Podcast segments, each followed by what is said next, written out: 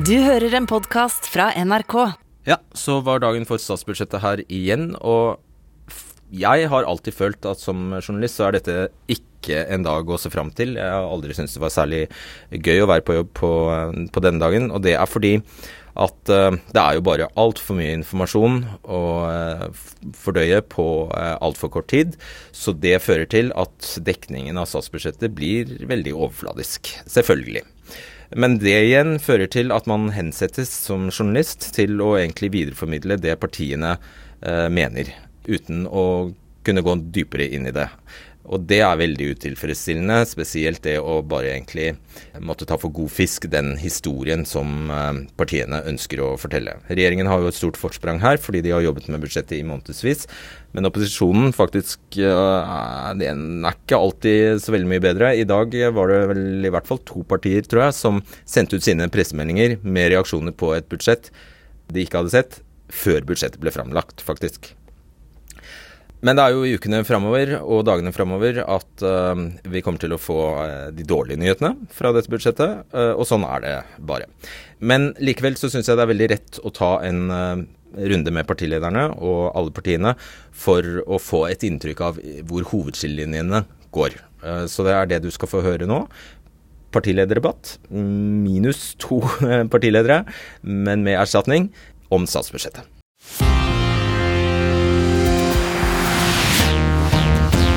Vanligvis spør alle på denne dagen, altså dagen for framleggelsen av forslag til statsbudsjett, lever budsjettet opp til forventningene?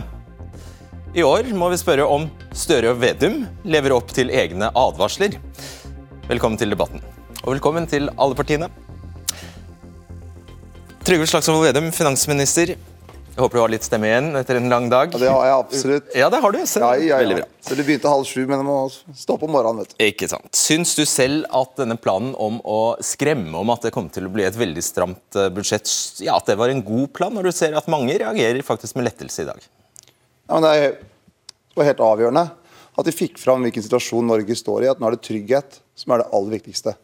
Trygghet for folks hverdagsøkonomi, få kontroll på prisveksten, som skaper store utfordringer for enkeltpersoner, men i neste omgang også for bedrifter, og da i tredje omgang for ledighet. Og trygghet rundt den nasjonale beredskapen. At vi må prioritere forsvar, beredskap, sivil beredskap. Til og med bruke mer penger på sånn som medisinlager, matlagring. Altså De grunnleggende tingene må prioriteres høyere. og det var helt rett. Husker du spørsmålet? Ja, og nettopp det som var poenget. Ja, fungerte plan, fungerte planen, for det var, det var jo et veldig det, Alle kunne jo se det, at det her, her eh, lader opp en plan om at vi skulle dempe forventningene. Så det har vi- og så måtte vi få fram at eh, kostnadene bare på fire felt øker med 100 milliarder fra i år til neste år. Eksempel så øker da folketrygdens utgifter veldig kraftig. altså det til pensjon, statlig bygg som var litt påbudt før, dette for ukrainske flyktninger. Og at i i år, Vanligvis så har man en 20 milliarder sånn såkalt profilpott til positive nye tiltak. I år hadde vi det motsatte. At det var en stort eh, udekka behov som vi måtte dekke. Og vi kunne ikke bruke mer oljepenger, for da var vi redd for at det kunne bidra til mer prisvekst og i neste omgang høyere renter. Du, 3. januar, dette bildet er fra eh, Nei, nei 3. mai. men Unnskyld. 3. mai i år så sto du eh, og jeg her, og vi tegnet på tavla. Eh, konklusjonen din den gangen var jo altså at en vanlig norsk eh, familie ville få 14 700 kroner mer igjen til andre utgifter.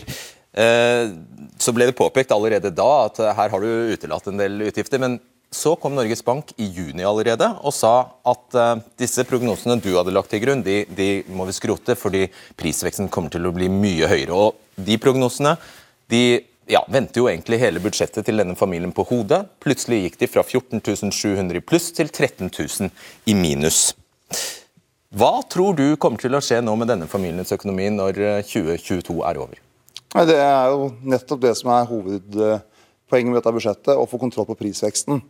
Fordi at eh, Prisveksten rammer jo veldig hardt, om det er mat, drivstoff eller andre ting. Men det som rammer aller hardest for en familie, det er renter. Og Det var altså på det som var hovedbudskapet mitt egentlig hele høst. At vi må ikke gjøre grep som gjør at renta går ytterligere opp, for det rammer så hardt. Så det å få kontroll på prisveksten er det viktigste hvis du er opptatt av fordeling.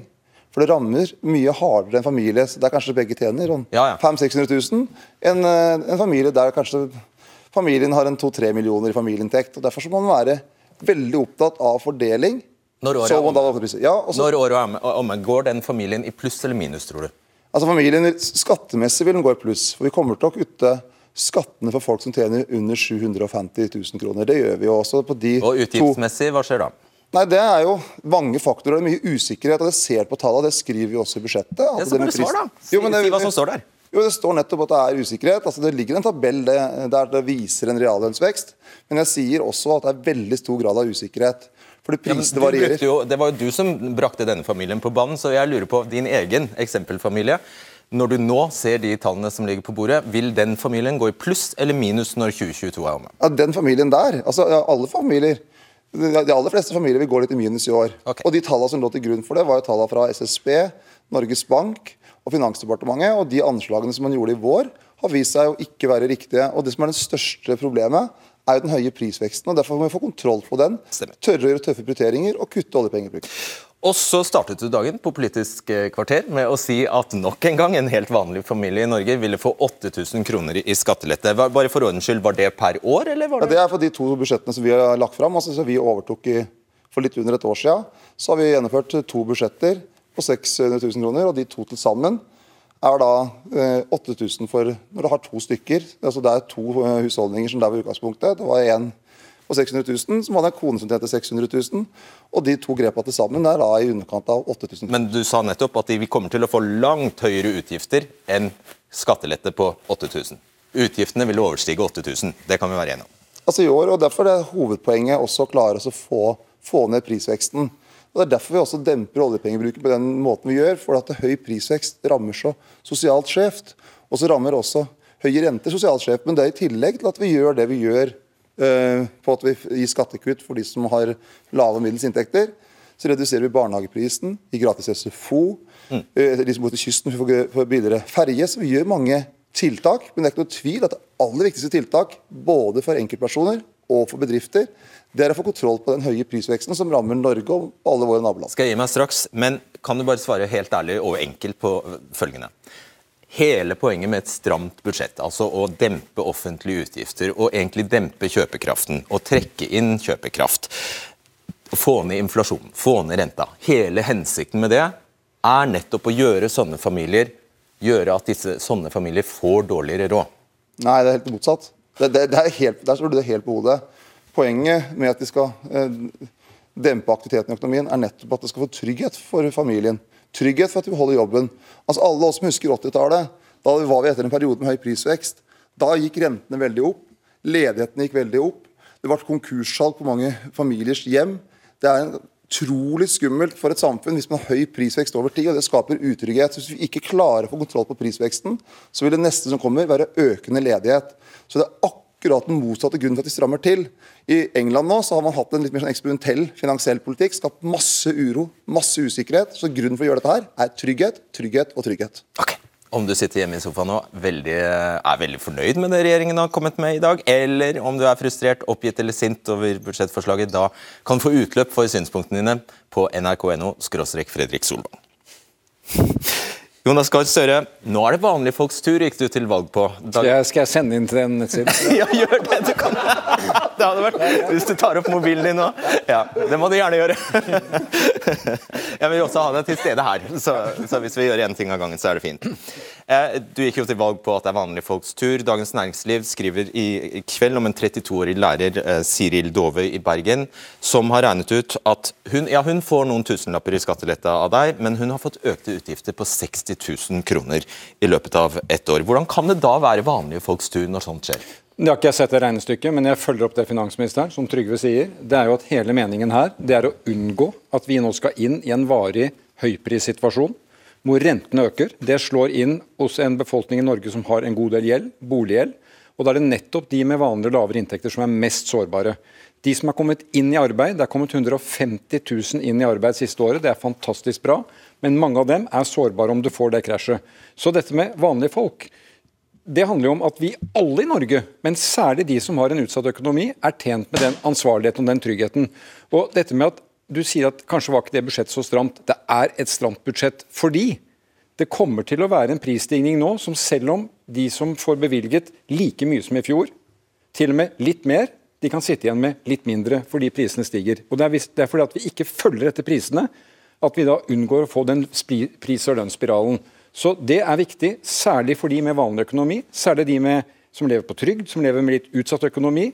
Holde igjen på den prisøkningen, samtidig som vi har prioritert veldig viktige sosiale satsinger for dem. Men du, du, du, må også være litt snill med oss, for jeg vet at statsbudsjettet for veldig mange er en dag man kanskje egentlig ja, som, man, som, det er lett å, å, å egentlig, ta, egentlig, ikke sette seg så godt inn i, for det er veldig digre tall, og det er ord og begreper som, man, som, bare flakser forbi, og som er vanskelig å forstå. For denne, for, for uh, Siril da, i, i, Bergen, er poenget ditt da at når hun allerede har 60 000 i økte utgifter Men hva består de utgiftene i? Altså, jeg har ikke sett ja, det er, det er strøm og mat, og det er alle husholdningsutgifter. Ja. Når hun, er poenget ditt da at du strammer inn for at hun ikke skal få ytterligere utover 60 000 i økte utgifter. For det, det første så er jo En av grunnene til at vi har stramt budsjett, at vi tar en stor del av Sirils strømregning. Så vi har fått den ned. Nå har jeg vært i Europa, i Praha med 40 andre land i dag. Eh, vi har den mest omfattende strømordningen som kompenserer for de høye strømprisene som de har i hele Europa. Så Poenget for henne er at hun fortest mulig skal komme tilbake til en normal økonomisk situasjon. Hun skal ikke oppleve at renta går. Og Da skal hun tilbake til det som er målet, at hun kan få økt kjøpekraft på en fornuftig måte. Alright. Erna Solberg, leder i uh, Høyre. vet du hva? Din nestleder Tina Bru sa i Stortinget rett etter Vedum hadde holdt sin tale, hun sa at dette budsjettet innebærer at de fleste skal skatte mer. Det er jo faktisk ikke sant når du ser tabellene. altså De fleste skal ikke skatte mer. Jo, de fleste kommer til å skatte mer hvis du legger sammen både avgiftsøkninger, når du legger sammen ganske mange. Eh, og bedriftene de jobber i skal skatte mer. Det gir et utslag for, for eh, folk som jobber der. For det er klart bedrifter som får mindre overskudd, har mindre mulighet til å gi f.eks. bedre lønn. Men det er direkte ca rundt 800 000 mennesker som får mer skatt direkte av dette. Men så vil jo utgiftene knyttes til dette, fordi det ikke er så stramt, faktisk medføre at du ikke får tatt så godt grep om prisstigningen og alt det andre. Og Da er det viktig å si at det er to ting du må gjøre for å få ned prisstigningen. Det ene er å holde igjen på offentlig pengebruk. Og det er offentlig pengebruk som er det viktige. Ikke hvor mye oljepenger du bruker, men det totale pengebruket for det offentlige. Og etterspørselen etter arbeidskraft. Og så må du kvalifisere flere mennesker til å komme ut i jobb. For noe av det som øker prisene i Norge nå, er konkurransen om arbeidskraften. Så vi burde jobbe enda mer med å mobilisere mer arbeidskraft fremover for å sørge for at vi får ned prisene. Og så er jeg helt enig i en ting. Det er et selvstendig mål å sørge for at de med lavest inntekter kommer bedre ut og får mer skattelettelse. Det har vi sagt fra vi begynte å diskutere strømstøtte. Det har vi sagt også er målet vårt for denne budsjettbehandlingen. At folk med lave og midlere inntekter skal betale mindre i skatt. Men vi må ikke late som om det ikke blir tøft år for alle. Men det er kanskje aller viktigste prioriteten nå er å sørge for at ikke renten stiger veldig mye. For det er en omfordeling mellom de som er i min posisjon, Jonas' sin posisjon, vi som har på en måte levd en stund, har betalt ned mye forhåpentligvis av lånene våre, til eh, generasjonene som er yngre enn oss. De unge som har nettopp betalt veldig mye for boligene sine, står i en fare for at de har store problemer med å kunne betale utgiftene sine. Audun Lysbakken, jeg syns å registrere at du har ikke slått på stortromma i kritikken denne gangen av dette budsjettet. Stemmer det? Er det riktig forstått? Altså, det er jo gledelig at vi etter åtte år med høyrebudsjetter endelig får et budsjett som prøver å redusere forskjellene i Norge. Så har jeg sagt at det er ikke rettferdig nok, det er ikke grønt nok. Vi trenger kraftigere omfordeling. Men jeg må jo si at det har gjort inntrykk på meg i dag å se hvordan høyresiden lar seg bruke av NHO, av lakselobbyistene, til å skape et inntrykk av at det er skattesjokk når du har ganske små, helt rimelige skatteøkninger på næringsliv, rike eiere, i en situasjon hvor vanlige folk har svære økonomiske problemer knyttet til prisøkningen, i et budsjett hvor det til og med kuttes i bistanden. Og så skal man altså late som om det er noen av Norges rikeste mennesker som er liksom de som har det vanskeligst her. Men, det syns jeg bare er litt trist. Siden vi startet i den andre enden, da egentlig med helt vanlige folk, og ikke de som Vi kommer jo selvfølgelig nærmere inn på de med uh, aller brede skuldre her.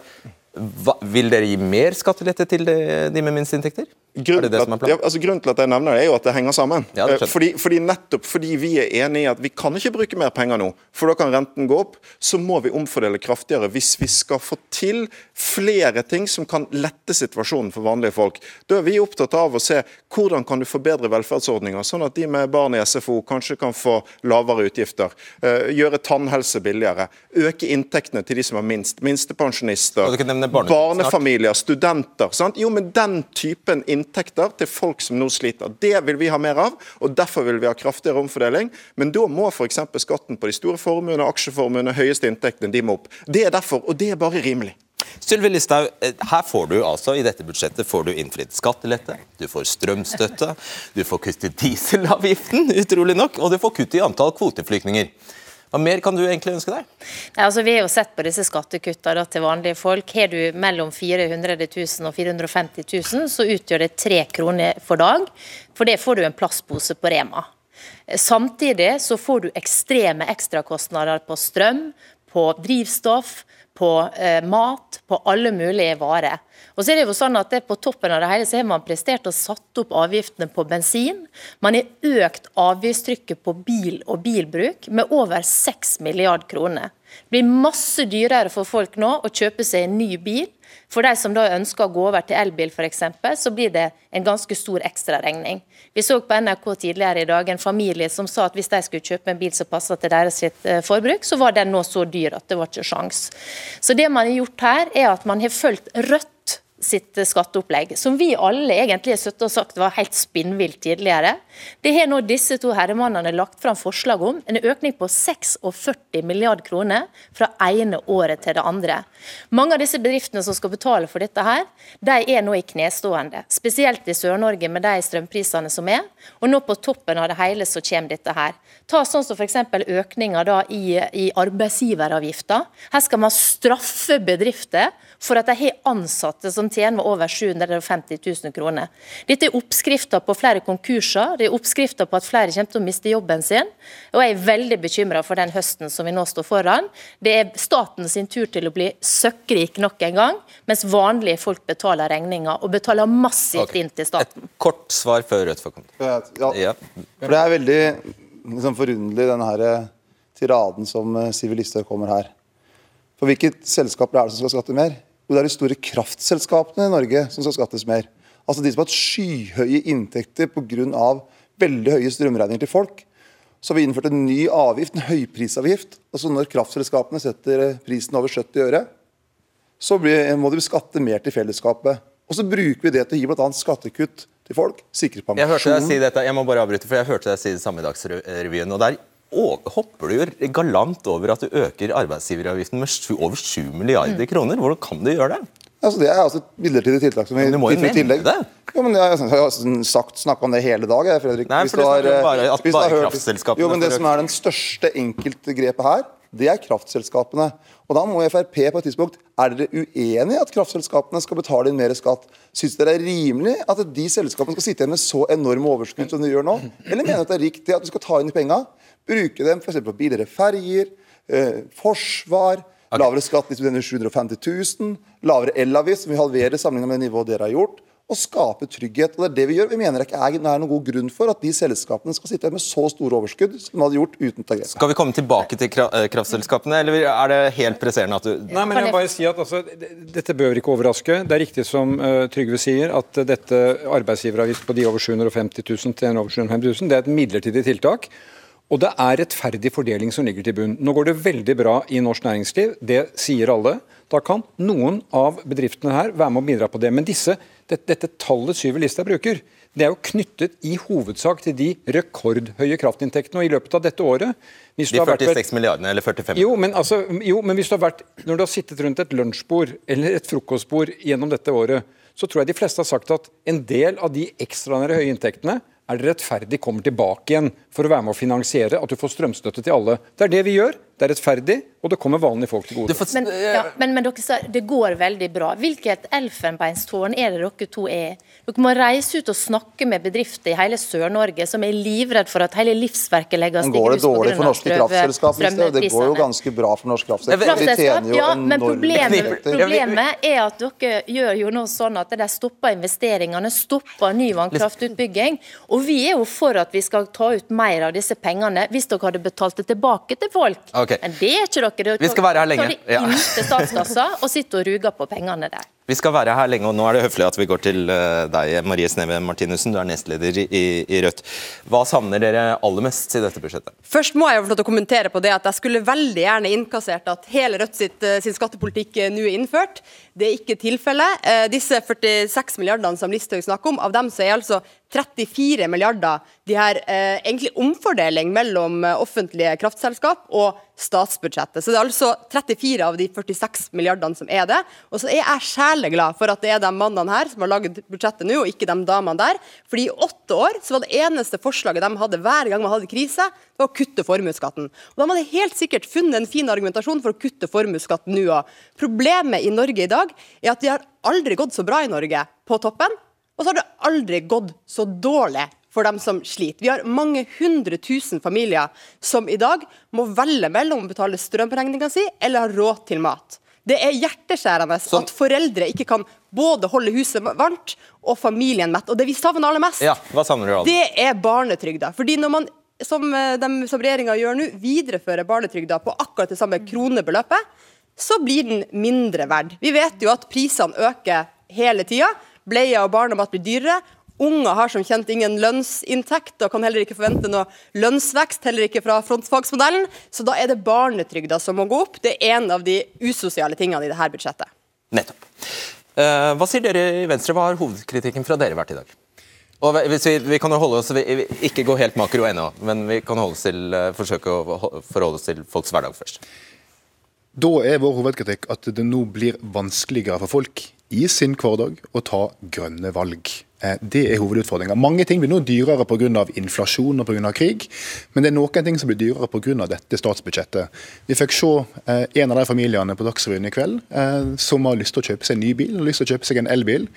Men nå blir det mye dyrere. og Dette er ikke noen sånn luksusbil. Altså, hvis du tar en populær bil, Hyundai Ioniq f.eks., den blir 30 000 kroner dyrere, som Slagsvold Vedum skal kreve en avgift. Audi E-tron blir 70 000 kroner dyrere, så han skal kreve en avgift. Samtidig som en kutter i dieselpriser og bensinpriser. Så det grønne skiftet her, det er vekke. Og Når du legger til at de kutter i viktige kollektivprosjekt, så er jeg bekymra for den grønne omstillinga i Norge, også i folks hverdag. Ålreit. Eh, dere får svare. Eh, vi må ha med, ha med alle, bare. Eh, velkommen, Arild Hermstad. Du er fungerende leder i MDG. De fattige får, må få mer, har dere sagt. Hvem, hvem da? Altså, først så må vi bare si at uh, den inndragningen av kjøpekraft fra de som tjener mest, det er ikke noe stort problem når vi står i den alvorlige krisen som vi gjør. Da må de som har mest, også bidra mest. Men så savner vi rett og slett en krisepakke til de aller fattigste. Det gjelder jo f.eks. Uh, eh, det kan være grupper av uh, folk som går på Nav, det kan være folk med minstepensjon, uførepensjonister, det kan være studenter som ikke får en eneste krone til. Og f.eks. folk som bor på asylmottak, som må leve for 68 kroner for dagen. Vi vet at det er altfor lite. Så Det jeg savner, er jo en mer målrettet innsats mot de som rammes aller mest i den tiden vi står i. Og Nå er det 400 000 mennesker som sier at de sliter med økonomien. Og vi har aldri opplevd... Skal alle de få krisepakke? Nei, men mange av de er i sårbare livssituasjoner. Eh, og vi må jo særlig rette innsatsen mot de. Og jeg syns det er mye rart ja, Men nå fisker jeg jo etter hvor grensa, om, har, om dere har tenkt på hvor den grensa skal gå, da? Altså, det, vi bare vil ha det mer målrettet. Vi syns jo den eh, skatteomfordelingen er bra, men som du sier, det er ganske lite penger eh, når du ser på den økningen du får i, i livskostnadene dine. Og så så syns regjeringen bruker penger på ganske mange rare ting. altså Å gjøre bensin og diesel billigere, eh, å gjøre anleggsdiesel billigere. Altså, da har du ikke veldig dårlig råd hvis du har råd til å gjøre det. Right.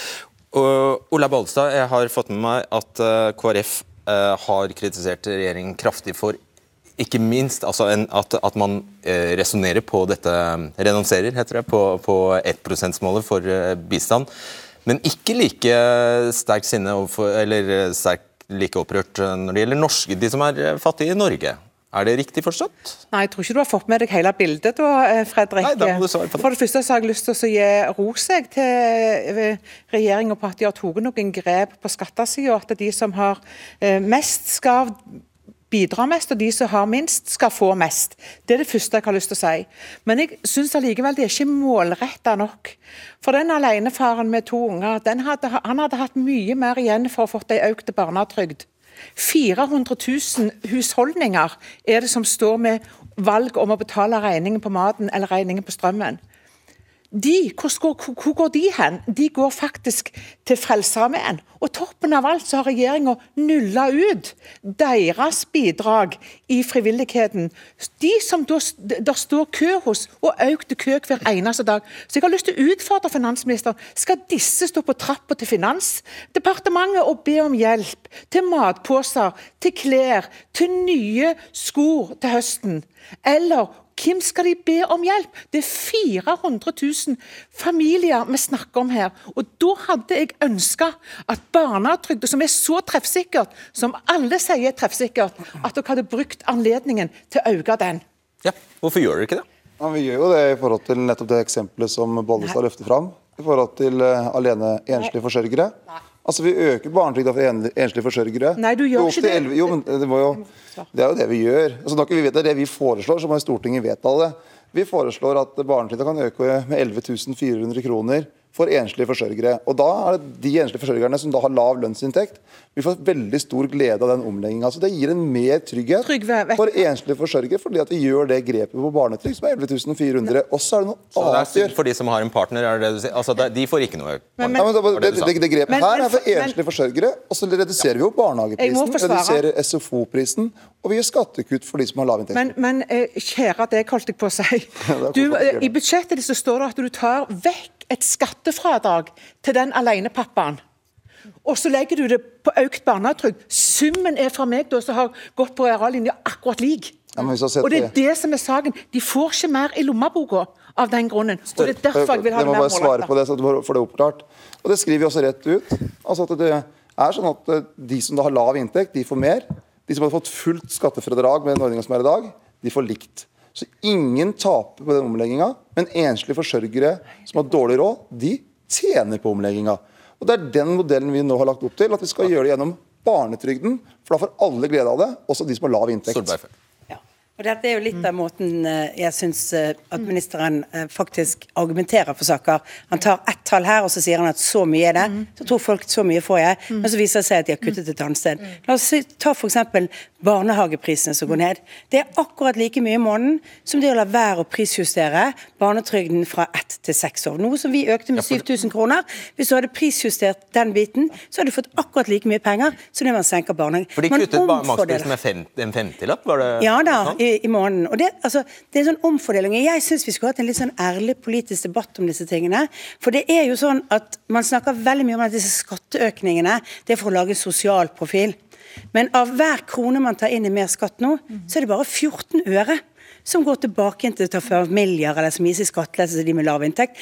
Resten går til å finansiere offentlige utgifter.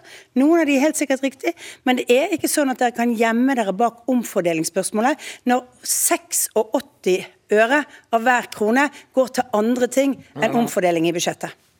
86 øre av hver krone bidrar da til at det blir billigere barnehager. Det blir billigere SFO. Det blir flere gode ansatte i de viktige funksjonene. Vi tror på at de velferdstjenestene som er tilgjengelige for alle, er veldig viktig, særlig for disse gruppene. Og Noe av det vi gjør i dette budsjettet, det er jo at de som har mest, de har veldig tydelige ansikter. Talspersoner, vi har sett dem i dag. De som velferdsstaten er der for, de har ikke de talspersonene. De har ikke de lobbygruppene som kan jobbe for dem. Men, vi, vi, har jobbet for å se dem, og det å ha godt nivå på de tjenestene, de som jobber i kommunene, de som jobber i barnehagene, de som jobber i barnevernet, det har vi prioritert. Nå har jeg akkurat dokumentert at du senker ikke familie, altså du bedrer ikke familieøkonomien ved å kutte på prisjusteringen av barnetrygden for de som har barn eh, opp til seks år, for så å gi de samme pengene ut. Du øker sannsynligvis bare, bare byråkratiet på fordelingen imellom Nei, poenget dette. Og poenget er at det er masse sånne triks som dere gjør i dette. Og da kommer vi tilbake inn til det Fredrik begynte med. Han begynte med et regnestykke som viste at man gikk grundig gjennom alle disse sakene. Så viser det seg at det ikke holdt det man sa i fjor heller, at utgiftene er større. Og en av de største utfordringene dere gjør nå, er at dere skaper mer usikkerhet rundt folks arbeidsplasser.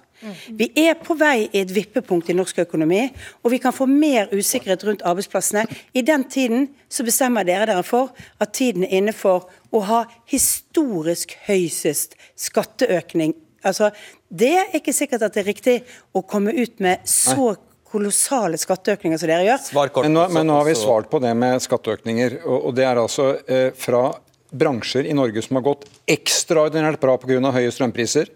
Eh, om to år så vil det også komme inntekter fra en oppdrettsnæring som har gått ekstraordinært bra. De delene går aller best fra. Det, er, det står i vår plattform vi vil ha rettferdig fordeling. De det går best fra, skal stille opp, at de kunne finansiere gode tjenester til resten. Og jeg, eh, Erna Solberg, det, det er en forskjell på eh, tilnærmingen i politikken. Vi vil styrke den velferdsstatens kjernefunksjoner, og vi investerer i det, og det kommer til å gi bedre tilbud. Du øker regningen til alle arbeidsgivere som har noen som tjener mer enn 750 000. Ja, er Vet du hvem som tjener 750 000 i dag? En anleggsarbeider. Som er ute på anlegg og som jobber utenfor eget hjem, tjener i stor grad over 750 000. Lærere som har ekstra overtid, tjener altså lektorer, tjener opp i 750 000. Hele helsesektoren rammes jo av dette på legesiden, for de tjener mer enn 750 000. Du later det som det er veldig, veldig rike folk. Nei, det er veldig mange vanlige mennesker. Jo, men det er, som men altså, 750 000 men, men, men, men, Fredrik, det, er, det, er, det, er, det er jo ikke da den læreren og anleggsarbeideren som får den skatten, men det er basert på at de bedriftene det Ja. går bra i norsk næringsliv nå. og de, la meg bare si det sånn, Hvorfor er den grensen der? En av grunnene er jo det at vi ønsker å få flere inn i arbeidslivet. Nå er det etterspørsel etter arbeidskraft. og Da har vi satt den grensen der, slik at de som kommer inn i førstegangsjobb, de tjener gjerne under 750 000. Da skal det ikke være noen hevelse på eh, hevede avgifter for at de kommer inn. Men vi, vi må også dekke inn store milliardutgifter. Nå får vi jo vente og se fra disse her hva de kommer til å legge inn, hvordan de kommer til å dekke inn. Vi har gjort det på en rettferdig måte hvor prinsippet de det har gått bra for, de som har mest, de bidrar, og det er rettferdig. Ok. Uh, Lysbakken, det uh, Solberg kaller triksing, ser du også det? det altså, de kutter maksprisen med en femtilapp, men så prisjusterer de altså ikke barnetrygden. Vil du Ja, kalle det, det det finnes noen eh, sånne områder som eh, vi ønsker å gjøre noe med. Uh, fordi eh, barnetrygden bør f.eks. gå opp. Og det er der vi kommer inn på den skattedebatten som jeg syns er helt utrolig.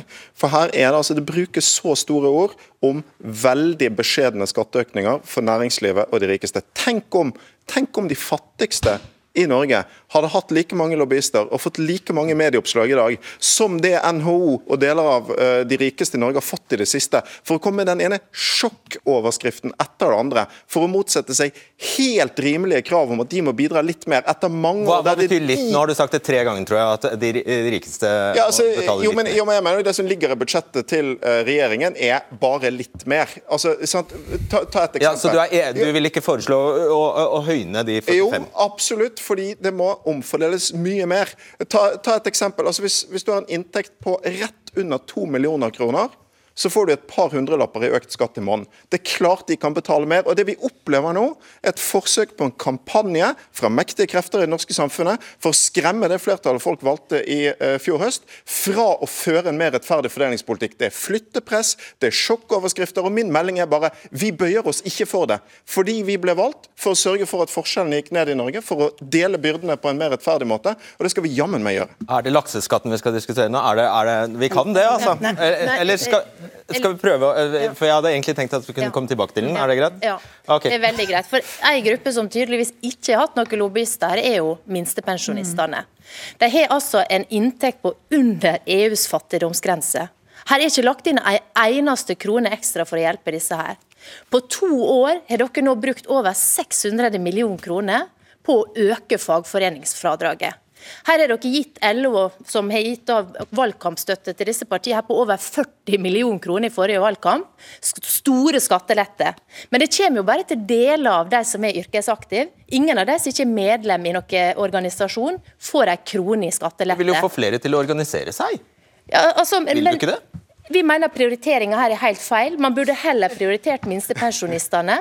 Og dessuten så bør, begynner vi jo nå vi, begynner jo nå å lure på om dette her er en betaling for at LO-lederen skal sitte og, og, og være helt stille og ikke tale medlemmene Men det som sine sak, fi- det som så men være opptatt av først og fremst å jeg mener Det som har vært eh, spennende i dag, er at nå er politikken tilbake i budsjettpolitikken for fullt. For det Sylvi Listhaug sier, hva er poenget med at folk organiserer seg? Det er bortkastede penger, burde prioritert på noe annet. Ja, jo, men Det er en fundamental forskjellig syn på samfunnet. En styrke i Norge. Og jeg heier på alle arbeidsfolk som organiserer seg, og alle bedrifter som organiserer seg. Da får vi mer representative parter som forhandler lønn, rapporterer tilbake igjen til myndighetene, tar ansvar. Det er en vesensforskjell mellom Norge og andre land at vi har det.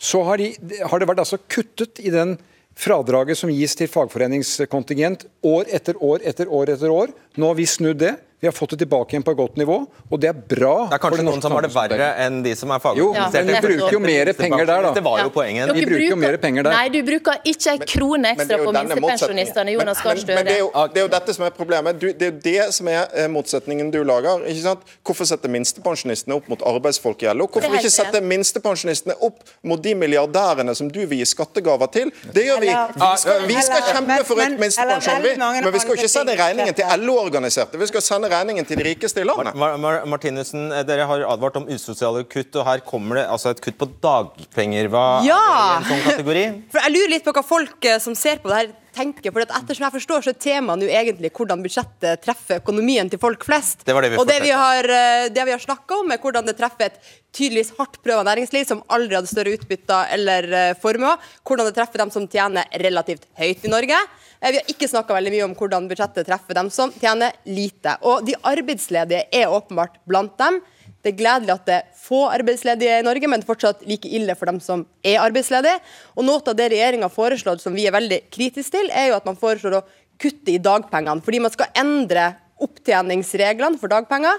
Eh, fra at man kan velge mellom to ulike modeller, til at man velger den, ene modellen. Det skal Fra en regjeringa besteårsmodell egentlig til Ja. en sisteårsmodell. ja, men det skal uansett regjeringa spare 200 millioner på det. Så uansett hvordan snur og vender på det, så er det tydeligvis noe at, eh, 200 millioner som forsvinner fra de arbeidsledige. Jeg mener at det er et eh, usosialt kutt, og det er også veldig dårlig tidspunkt for det kuttet. fordi eh, vi hører jo stadig flere økonomer som sier at det er et omslag på vei i norsk økonomi. Problemet akkurat nå, sier økonomene, er at det er for få arbeidsledige. Nei, Norges Bank har også sagt at omslaget i norsk økonomi har kommet mye raskere enn man tror. Det har også Finansdepartementet sagt senest i dag.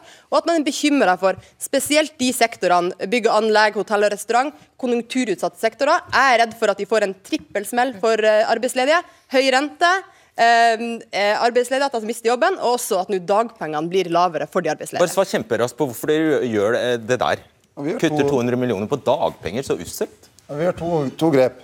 Det ene er at vi legger til grunn altså den, den opptellinga du har hatt den siste tida før du blir ledig. At det er det som er grunnlaget for hvilke dagpenger du har. Altså, når du har jobba, hatt deg lønn, du blir ledig, så er det den lønna som skal legges til grunn for hvilke dagpenger du får. Mens dere fikk det beste året av de tre siste årene. altså gjort en ting til.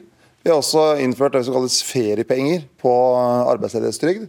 Som gjør at også arbeidsledige skal få trygghet på at de skal få, få, få, ha mulighet til å ha ferie. Og Det er en styrking av ordningen. Så du finansierte det ene kuttet med å gi ta, Nei, men altså, det andre? Var det vi, vi, nok en gang? nei, vi ønsker en god ordning. Altså at De som er ledige, skal være trygge på at de får arbeidsledighetstrygd. Men det er den inntekten de har hatt på slutten, altså før det blir ledige, som legges til grunn.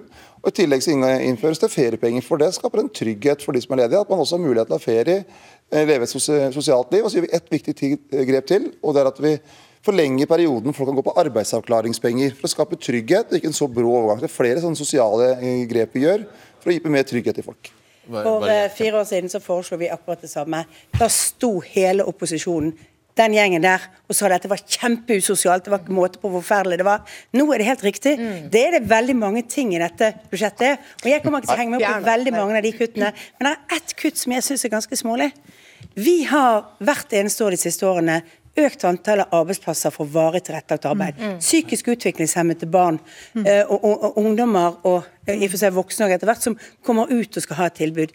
Der har dere latt være å prisjustere. Det betyr at det er 120 færre plasser, til tross for at vi var enige om at vi skulle ha en opptrappingsplan.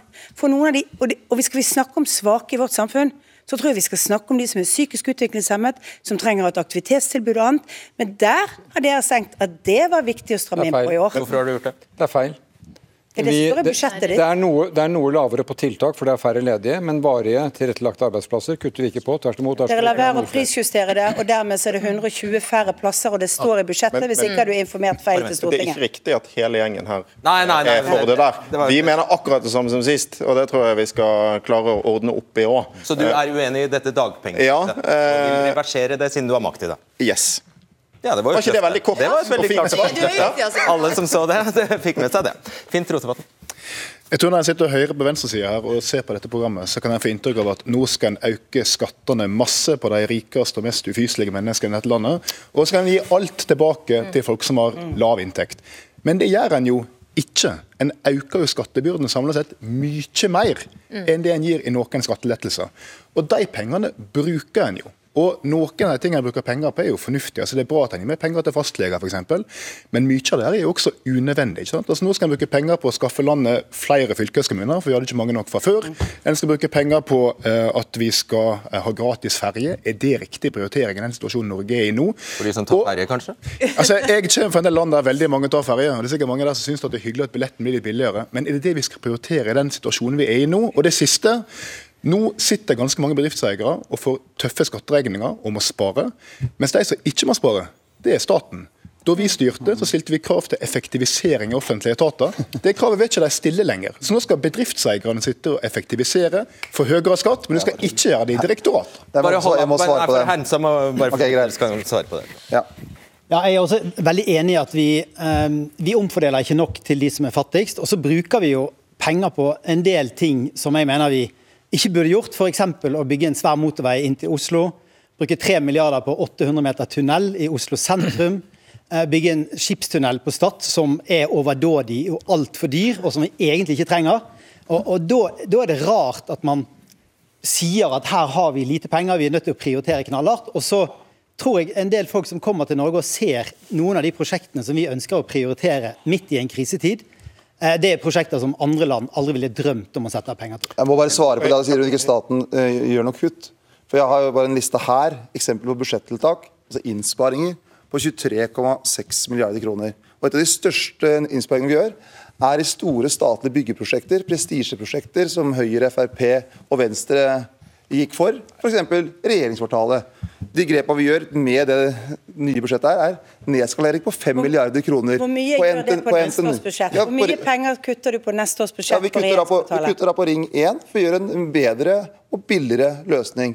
Vi har nedskalert NTNU, som var, som var ditt prosjekt.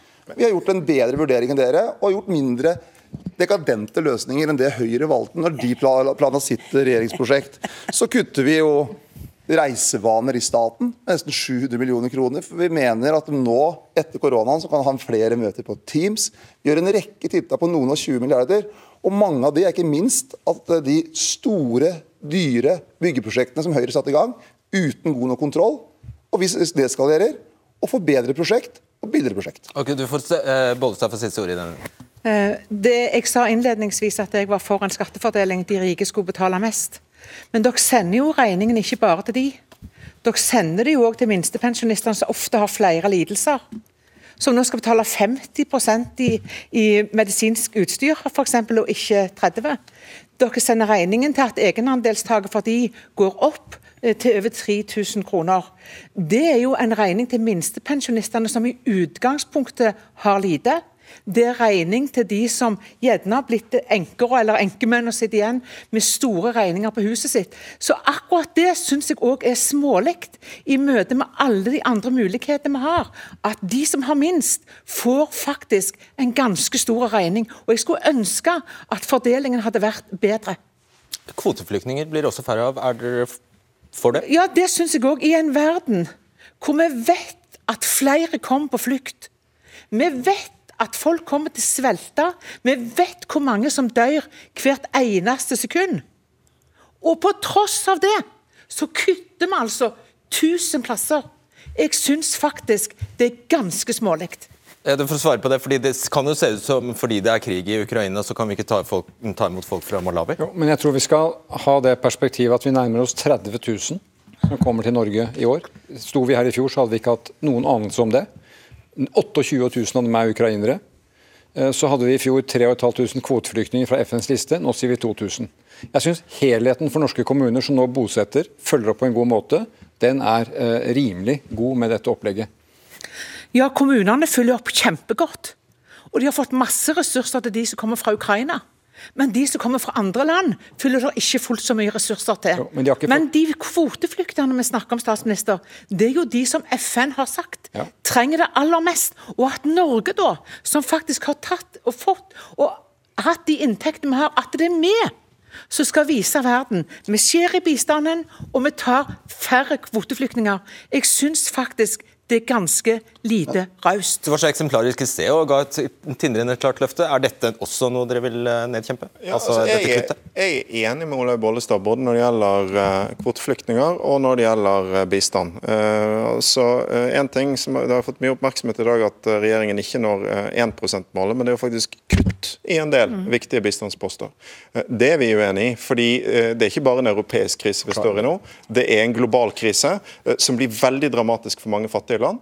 Eh, Så det trengs mer solidaritet, og det er også mulig. Så ved siden av mer rettferdig fordeling, kraftigere omfordeling og et grønnere budsjett, så er også en internasjonal solidaritet Jeg, viktig jeg for har Jeg bare lyst til å forklare dette, for at dette, dette er litt viktig. Jeg er tilhenger av dette 1 %-målet for bistand. Vi har det inne i vår plattform. Men nå er det altså slik at sånn som vår økonomi nå vokser i år, i tallene til neste år, med et høyt tall, så ville det bety at vi måtte legge til 16 milliarder ekstra i det budsjettet som var til neste år. Bistand er en slik karakter at du inngår gjerne langsiktige kontrakter. Noen spådommer fra Norges Bank og andre tilsier at vi, og hvis energiprisen i Europa går ned, så kan Norge få et minus i hvordan vår økonomi utvikler seg. Da må du kutte igjen. Og Derfor er det vi har prioritert å gjøre her, det er å si at all bistand som går til sør, til utviklingsland, blir videreført på det samme høye nivået som vi har i år, prisjustert, og kan ta det videre. Når det går litt ned i statistikken på budsjettet, så er det fordi det er en del Ukraina-penger som ikke blir med inn i det budsjettet. Men jeg, jeg er fullt åpen for å diskutere hvordan Norge skal være eh, et solidarisk land. Vi er det. Vi øker matvaredelen av bistanden vår i en veldig vanskelig matvaresituasjon. Og så må vi passe på at ikke bistandsbudsjettet blir en jojo som går opp og ned med hvordan eh, tallene i nasjonaløkonomien Kan vi bare si det sånn at Du var for et prinsipp om 1% helt inntil summene ble så høye at du ikke var for det. Ja, og summene er høye, og det ville blitt en uforsvarlig måte å drive bistandspolitikk på. Til verdens fattigste. Som får akkurat det samme til neste år som de får i år. Men prinsippet er borte. Men Altså, men dette illustrerer dilemmaet med å sette prosenttall. Ja, og da må man ikke holde seg med prinsipper, da. Og da kan Men vi ikke følge opp poenget, det. Ja. poenget statsminister, er jo at akkurat disse som har minst i verden, har faktisk òg de største utfordringene akkurat nå. Fredrik, du har var- avvist hele den makroøkonomiske debatten. Ja, for den skulle- jeg skulle si nå kommer- nå si at kommer for. Nå har vi snakket om privatøkonomien til folk. Men jeg mener at det er viktig å snakke om det som er utgangspunktet for et budsjett. Det er at vi ikke bare skal se på ett år av gangen, men vi skal se på det langsiktige. Og I trontaledebatten så brukte vi mye tid på å fortelle at det er veldig viktig at vi i en krise gjør det som er viktig også fremover. Og Noe av grunnen til at vi er skeptiske til det høye skattenivået, er ikke at vi ikke mener at kraftselskapene skal betale skatt. Det har vi sagt hele tiden. At de skal betale mer også for å bidra. Men måten regjeringen gjør en del av disse tingene på, bidrar jo nå til at prosjekt etter prosjekt det, eh, forsvinner. Det betyr at vi kommer til å få mindre kraft i årene fremover. Helt Helt på tvers av det vi har snakket om i månedsvis i Norge, at vi må bygge mer kraft, så kommer vi nå til å bygge mindre kraft. Ja, så Høyre er, Regjeringen- vil stemme mot dette forslaget? på noen av disse forslagene må vi se på innretningen av denne høyprisforslaget. For dette, måten det er laget på, gjør jo nå at det vi skal ha som buffer i de tidene hvor prisene i fremtiden er høye Skal vi forklare høypris- effekt, hva det- ja, ja, effektkraftverkene, de forsvinner ut. Og dette er veldig Nei, alvorlig. men eh, Ikke bare fortsett, fordi folk henger jo ikke med. Det, Nei, ja, men jeg bare sier at det er veldig alvorlig, for vi må sørge for nok kraft Kan vi forklare forklare, da? Ja, jeg skal prøve å forklare. Altså, Hvis prisen går over 70 øre per kilowattime, så skal kraftselskapene ilegges en ekstraskatt på 25% av det overskytende over 70 øre. Så det, hele, hele inntekten forsvinner jo slettes ikke, men de får Nei, en 23 ekstraskatt. hvis jeg husker helt 23? Ok, Ja. greit. Da, men eh, eh, det jeg tror du har vanskeligheter med å svare på, er hva du syns om lakseskatten? Eller du kan prøve nå? Ja, Vi har jo økt beskatningen av laks når vi satt i regjeringen. Vi innførte produksjonsavgift. Vi har også lagt opp til at man skulle oppgradere formuesverdiene til de gamle konsesjonene. Sånn at vi har økt beskatningen av en veldig lønnsom næring. Så er vi opptatt av at vi må sørge for at Så har, har, vi sagt at grunnrenteskatt ikke er den riktige måten å gjøre det på. At produksjonsavgift er den riktige måten å gjøre det på. Og så er det jo sånn at det regjeringen gjør nå, det er å komme med et ganske stort sjokk inn, inn på beskatningen. For de legger det på toppen av alt det andre som er gjort allerede. Og da ser vi jo konsekvensen av det. At i Distrikts-Norge, hvor vi har mange store investeringsprosjekt knyttet til å utvikle en fremtidsnæring for Norge, nemlig sjømatsnæringen, så stopper prosjektene. Ja, men hva er det du du gjør nå, Erna Solberg? Avviser du lakseskatten? ja, Vi skal jo se på innretningen av dette. for det vi, altså, Ja. jo, men, jo, men Du kan ikke vente hva men du kan ikke vente at vi skal svare på ting som vi har kjent i tre dager, når de har jobbet med ting i et halvt år. Vi må, igjen, vi må gå gjennom budsjettet på en ordentlig måte og se på hvordan vi innretter disse spørsmålene.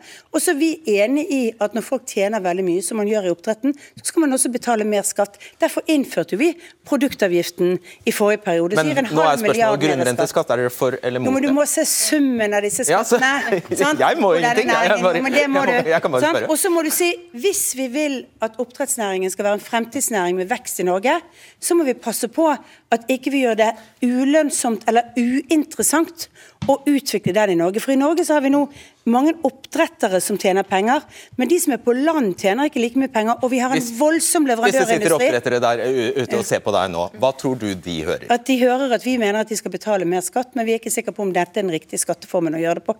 Så det, Høyre er for en mye høyere Ja, vi har jo nettopp, en vi har jo nettopp økt skatten for den næringen for to år siden som et svar på Ja, nettopp har dette spørsmålet. nytt forslag. okay. Spådom. Eh, sant? De borgerlige partiene kommer til å gå mot det nå. Hvis de nå skulle komme i regjeringen, det er jeg imot, men hvis det skulle skje på et tidspunkt, så kommer de til å beholde skatten. Fordi de innerst inne vet de fleste at det er veldig fornuftig at den type næring skattlegges mer enn i dag. Det er eventyrlig profitt, og de tjener penger på våre felles naturressurser.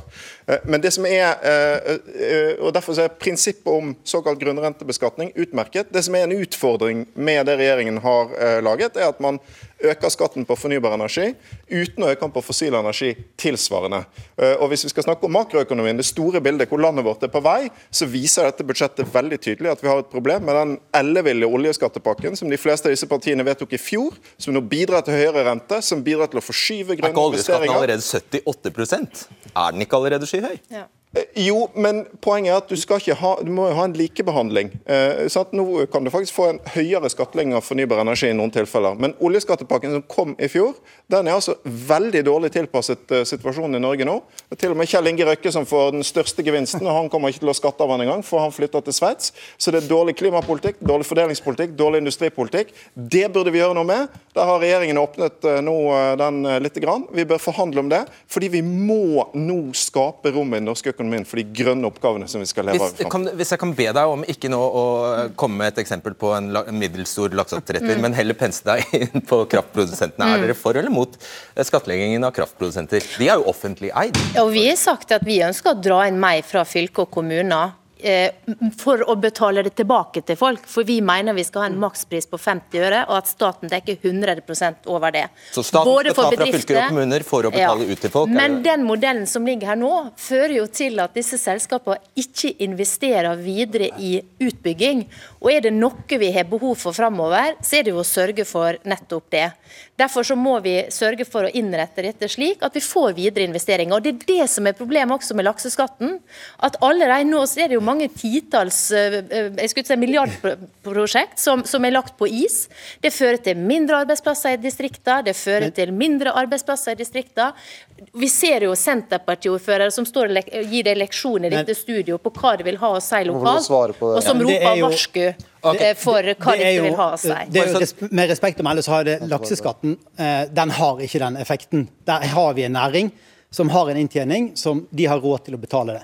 Når det kommer til vannkraftnæringen, så er jeg enig at da må man se på innretningen. eh, og jeg tror Der trenger vi alle mer kunnskap for å se hva som faktisk vil skje med vannkraftinvesteringer. Og Det er jo verre enn det Audun sier når det kommer til oljeskattepakken. fordi mens vannkraftnæringen altså blir utsatt for en ekstrabeskatning i dette forslaget, så skal oljeskattepakken den skal fortsette. Den skal fortsette. Men mye mer interessant hva, det- enn enn hva MDG mener om Men- å skattlegge oljeselskapene. Det Jo, tror jeg vi altså, vet. jo, jeg, jeg er mye, mye mer er interessert i å, bare det- eh, å høre hva, hva dere mener, mener om økt eh, skattlegging av fornybarselskaper. Altså, vi mener den vindkraftinnretningen den er sannsynligvis en god idé å innføre grunnrenteskatt på vindkraft. Det tror jeg eh, Man må også se på innretningen av det. 40 Eh, Vi har ikke tatt stilling til de konkrete forslagene. men men bare for å fullføre, sånn, altså Dette med olje eh, Nei, Når, når, vi, har, eh, når vi har en næring som vasser i penger, og som tjener altså 100, eh, mange tusen milliarder omtrent, og så skal de fortsatt nyte godt av en skattepakke de fikk under koronakrisen At ikke den er stoppet for lenge siden, det er jo sjokkerende. Altså, det Er det dilemma for. MDG altså, ja. Er det et dilemma for et parti som MDG at en høyere skatt eller en- innføring av en ny skatt for f.eks. vindkraft eh, kan føre til mindre utbygging av det dere sier at vi absolutt trenger? Er det et dilemma? Det kan være et dilemma, men jeg tror at de som driver i vindkraftbransjen, de ser jo at det er inntjening der å hente, og det er også bra at det legges noe igjen til eh, fellesskapet når man utnytter felles ressurser. er hva er svaret på dilemmaet for MDG? Vil dere stemme for eller mot skatten? Eh, Vi er nødt til å se på den konkrete utformingen, men i prinsippet så mener vi at det, det kan være riktig å beskatte Kan, kan jeg få kommentere det, med denne eh, berømte oljepakken? Den ble jo innført da våren 2020, da det var krise, lave priser og deler av verftsindustrien holdt på å gå over ende. Jeg er helt enig i at skulle vi vurdert dette i dag, i oktober 2022, ville vi sett på det med andre øyne.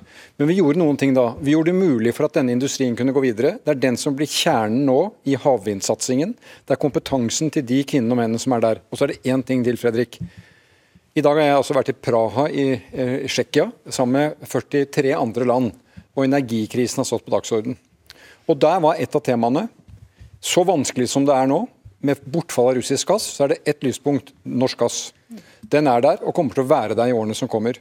I tillegg så kan vi mer om fangst og lagring av CO2, som betyr at norsk gass kan være der lenge framover. Da skal vi være glad for at den næringen ikke gikk over ende i 2020. At den er der nå, at den er til å stole på, og at den framover kan bli en drivkraft når vi skal over i fornybar, over i havvind, over i fangst og lagring eh, av CO2. Men Og så har håper vi du gjort den næringen vil lete mer og finne mer olje og gass? Ja, og det tror jeg faktisk at vi skal si at den skal, for det er det andre temaet. Vi kan nå si til Europa vi kan levere gass på dette høye nivået. Vi har økt med 10% i år. Det er en fantastisk bedrift som selskapene har klart. Det kan vi holde ut dette tiåret. Men så kommer det tidspunktet hvor vi sier at da faller det ned. Og jeg er faktisk tilhenger av at Norge skal fortsette å levere gass. For det sier alle i Europa. Hvis vi skal lykkes med havvind, sol Så du vil åpne nye områder? Ja. Jeg, jeg, jeg er åpen for det. Men- Fordi at hvis vi da finner er hvis vi, Men skal jeg forklare? Hvis vi da finner gass, vi renser den for CO2, så er det en stabil eh, kraftressurs for å kunne bygge mer vind og sol. Da For får vi gass, en for da er grønn energi? Gass som lagrer CO2-en, ikke går opp i himmelen, ikke i atmosfæren, ikke fører, til klimaendringer. Da er det et utgangspunkt for å lage Jeg har vel ikke greid det ennå, vel? Jo, vi, vi lager jo CO2. Ja, men ikke jo- storskala. Jo, men dette er jo full gang. Jeg, altså, jeg, Ja, ja, jeg satt i dag med europeiske, europeiske ledere som sa at dette må vi nå trappe kraftig opp, og Norge er i front på det. og Det er fordi at vi har en ledende olje- og gassindustri. Nå fikk jeg så mange spørsmål, men Ja, jeg, jeg, men- du, du skal få ordet for det. Så alle er enige i at det er bra at Norge nå pumper gass ned til Europa. Det er helt nødvendig. Men når statsministeren nå sier at det vi må gjøre videre, det er å åpne nye områder der vi ikke har lett etter olje og gass før, for å utvinne ny olje og gass, det kommer ikke til å bli satt i produksjon før lenge etter 2030. Og det kommer til å skje inn i et tidspunkt der vi skal ha redusert klimautslippene våre betraktelig. Europa skal ha gjort det samme. Dessuten, de prosjektene de nå jobber med, f.eks. dette Wisting-prosjektet som ligger oppe i Barentshavet, skal ikke utvinne noe gass. Skal bare utvinne olje, skal drive oss med kraft, fornybar energi, fra land. Og det ligger altså nærmere Bjørnøya oppe i Arktis enn det ligger i Finnmarkskysten. Det er det de nå jobber med. Og det er den typen prosjekt som ikke er så spesielt framtidsretta. På samme måte som det ikke er framtidsretta nå å legge opp til at du skal ha høyere skatt på fornybar energi enn du har på olje og gass. Men det er det som er konsekvensen av budsjettet og den skattepakken. Og det syns jeg faktisk Audun Lysbakken sa mye fornuftig om i stad, selv om vi i Venstre og SV er ganske uenige i skattepolitikk. Jeg er enig i det. Men jeg det bør ikke være høyere skatt på fornybar enn på olje. Siden dere alle vil snakke om denne oljeskattepakken, står det noe som helst i statsbudsjettet? Ja, ja, det gjør det. det, gjør det. det, det er bra. Ja. Ja, vi kan si Akkurat det som står i, eh, i statsbudsjettet er bra, for det er en liten innstramming der. Eh, og Til nå så har jo tonen vært at nei, den kan absolutt ikke røres. Eh, jeg oppfatter det at man nå er villig til å røre den, som en erkjennelse av egentlig det statsministeren sa, den er dårlig tilpasset den situasjonen Norge er i. Men så må vi jo nå ikke lure oss sjøl til å tro at den veldig viktige rollen vi har som gassleverandør nå, betyr at det er kjempelurt å leite etter masse mer fossil energi som skal tas opp langt inn i fremtiden. Jo, men fordi poenget er det er ikke bare dårlig klimapolitikk, det kan vise seg å være fryktelig dårlig industripolitikk. For nå får jo Europa fart på fornybaromstillingen. Nå utvikles nye grønne oppgaver til industrien, og hvis vi ikke skaper rom for det i vår økonomi, så kommer vi Det er jo det som kommer til å føre til industridød og arbeidsløshet. Listhaug først. Det høres veldig fint ut når du sier det at dere vil utvikle olje- og gassnæringa videre og finne nye områder. og sånn. Problemet er at du skal samarbeide med SV, som allerede er stansa 26. konsesjonsrunde, som er tatt ut blokker fra tildelinga på TFO, som ønsker å sikkert stramme inn denne skattepakken enda mer. Så du, Det går bare ikke så lenge du skal samarbeide med han, og det er det som bekymrer meg for olje- og gassnæringa. For vi trenger å utvikle den, men da er dere i feil selskap. Da skal jeg være streng. La oss ikke snakke mer om oljeskattepakken. La oss komme tilbake til, stats, til statsbudsjettet og behovet for stramhet. Yes. Der er du snill, så skal du få ordet. Ja, jeg er kjempesnill. Eh, lakseskatten, skatten for de store kraftselskapene, er rettferdig og nødvendig skatt. Og jeg syns vi skal være veldig forsiktige hver gang noen med enorme pengeinteresser sier at nei, nå gidder vi ikke å investere. Altså, Tenk hvis de uføre, arbeidsledige, eh, de lavtlønte sa at nei, nå ble det så dyrt å bo her i Norge at nå flytter vi til Sveits. Nå ble det så dyrt eh, å gå på jobb, nei, nå nekter. De kan jo ikke gjøre det, de har ikke den makta. De som nå sier at nei, vi skal ikke investere pga. en grunnrenteskatt, det er jo helt ulogisk. Hele konseptet med grunnrenteskatt er at den er nøytral når det kommer til investeringer. Og den ekstraskatten på høye kraftpriser den er jo nettopp her i en situasjon der vi har ekstreme kraftpriser, som vi alle vet at har en årsak i krigen i Ukraina. Det kan jo ikke være sånn at vi skal basere investeringene i fornybar energi på at det skal fortsette å være krig i Ukraina. Det går jo ikke. Vi må jo ha en rettferdig skattepolitikk, og vi må tåle å se at de som tjener store penger og Jeg skulle gjerne ønske at det også gjaldt f.eks. i dagligvarebransjen og andre bransjer som tjener store penger, men det å komme her og nekte å investere det er en type makt som jeg syns ikke vi skal la dem med store penger bruke. Ok, Erna Solberg, du lover å snakke om budsjettet nå, ikke sant? Og Ja, ikke olje. jeg lover å snakke om det som jeg oppfatter som det mest bekymringsfulle med det som skjer på skatt. Det er nemlig at når det kommer overraskende For det første er dette den største skatteøkningen som har skjedd så lenge jeg har vært på Stortinget, og jeg har vært lenge på Stortinget, det vet jeg. Det har ikke skjedd på noe som tidspunkt at næringslivet har vært utsatt for sånt skattesjokk. Det endrer rammebetingelsene for alle de som skal investere fremover. Den politiske risikoen for investeringer i næringslivet i Norge har gått opp med denne regjeringen. Det kommer vi til å måtte betale for fremover ved at færre er interessert i å investere i Norge. Det At rammebetingelsene kan endres så mye over natten for flere næringer, kommer til å være Er Høyre noen gang for økte skatter? Ja, og vi har jo bl.a. økt som jeg sier, lakseskatt, beskatningen, vi har laget produksjonsavgift tidligere. Vi har økt andre skatter, men vi er opptatt av skatter som fungerer godt. Og så er vi opptatt av at det er forutsigbarhet for de som skal investere fremover. jeg og dette budsjettet er fullt av ting som ikke gjør det.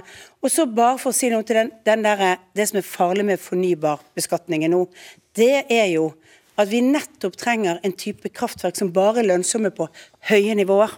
For det er det som bidrar til at vi har sterk effekt når vinden ikke blåser, når solen ikke skinner, når vi er fremtidens systemer. Og det er de kraftverkene som nå ryker ut. Og det betyr at deres politikk bidrar til at det er større sannsynlighet for at vi får blackout i Norge ved at vi ikke har god altså, nok Erna kraftforsyning om 15 år, eller om, om Ja, 10-15 år. Tidligere eh, avgått statsminister Erna Solberg sauser sammen nå bevisst veldig mange ting. For det første, når det gjelder bedriftsbeskatning.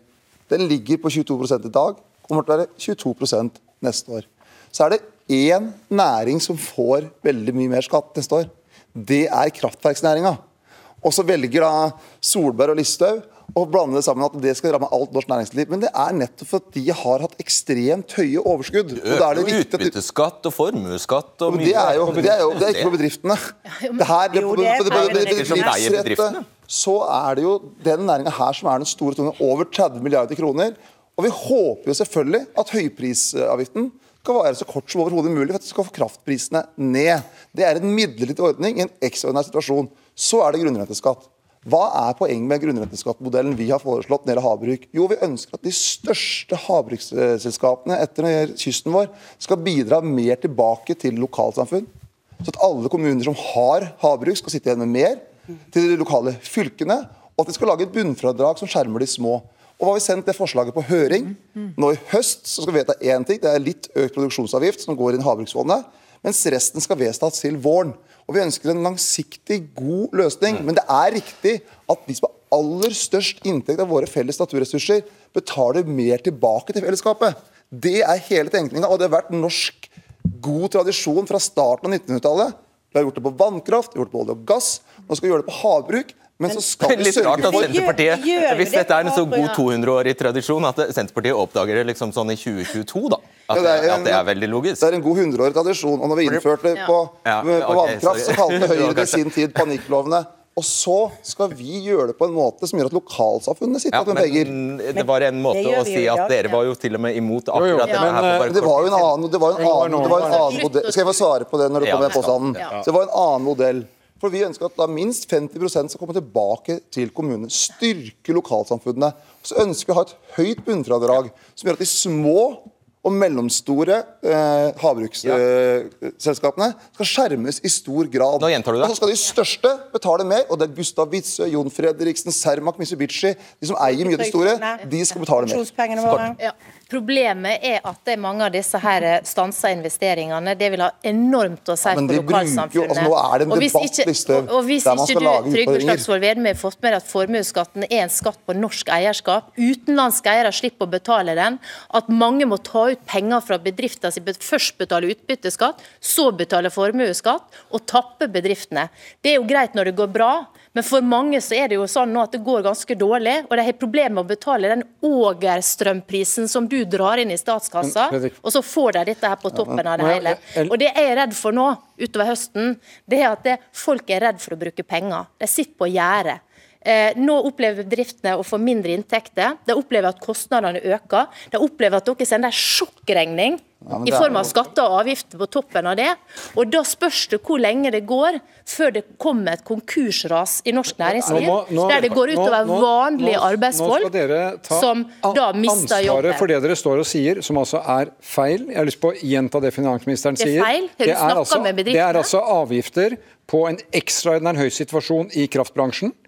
Grunnen til at vi gjør det, det er at vi får altså inntekter tilbake til å kunne betale strømregninger til folk og næringsliv. Og så er det da 22% selskapsskatt uforandret. Grunnen til, at, grunnen til at vi driver et så stramt budsjett, er at vi skal hindre at renta går. Og går renta mer enn det Norges Bank har planlagt, så går det utover gjeldstyngede nordmenn og næringslivet. Stabile rammevilkår for næringslivet, små og mellomstore bedrifter i Norge, og de er mange, det er at vi holder et kommer nå tilbake igjen til et stabilt kostnadsnivå.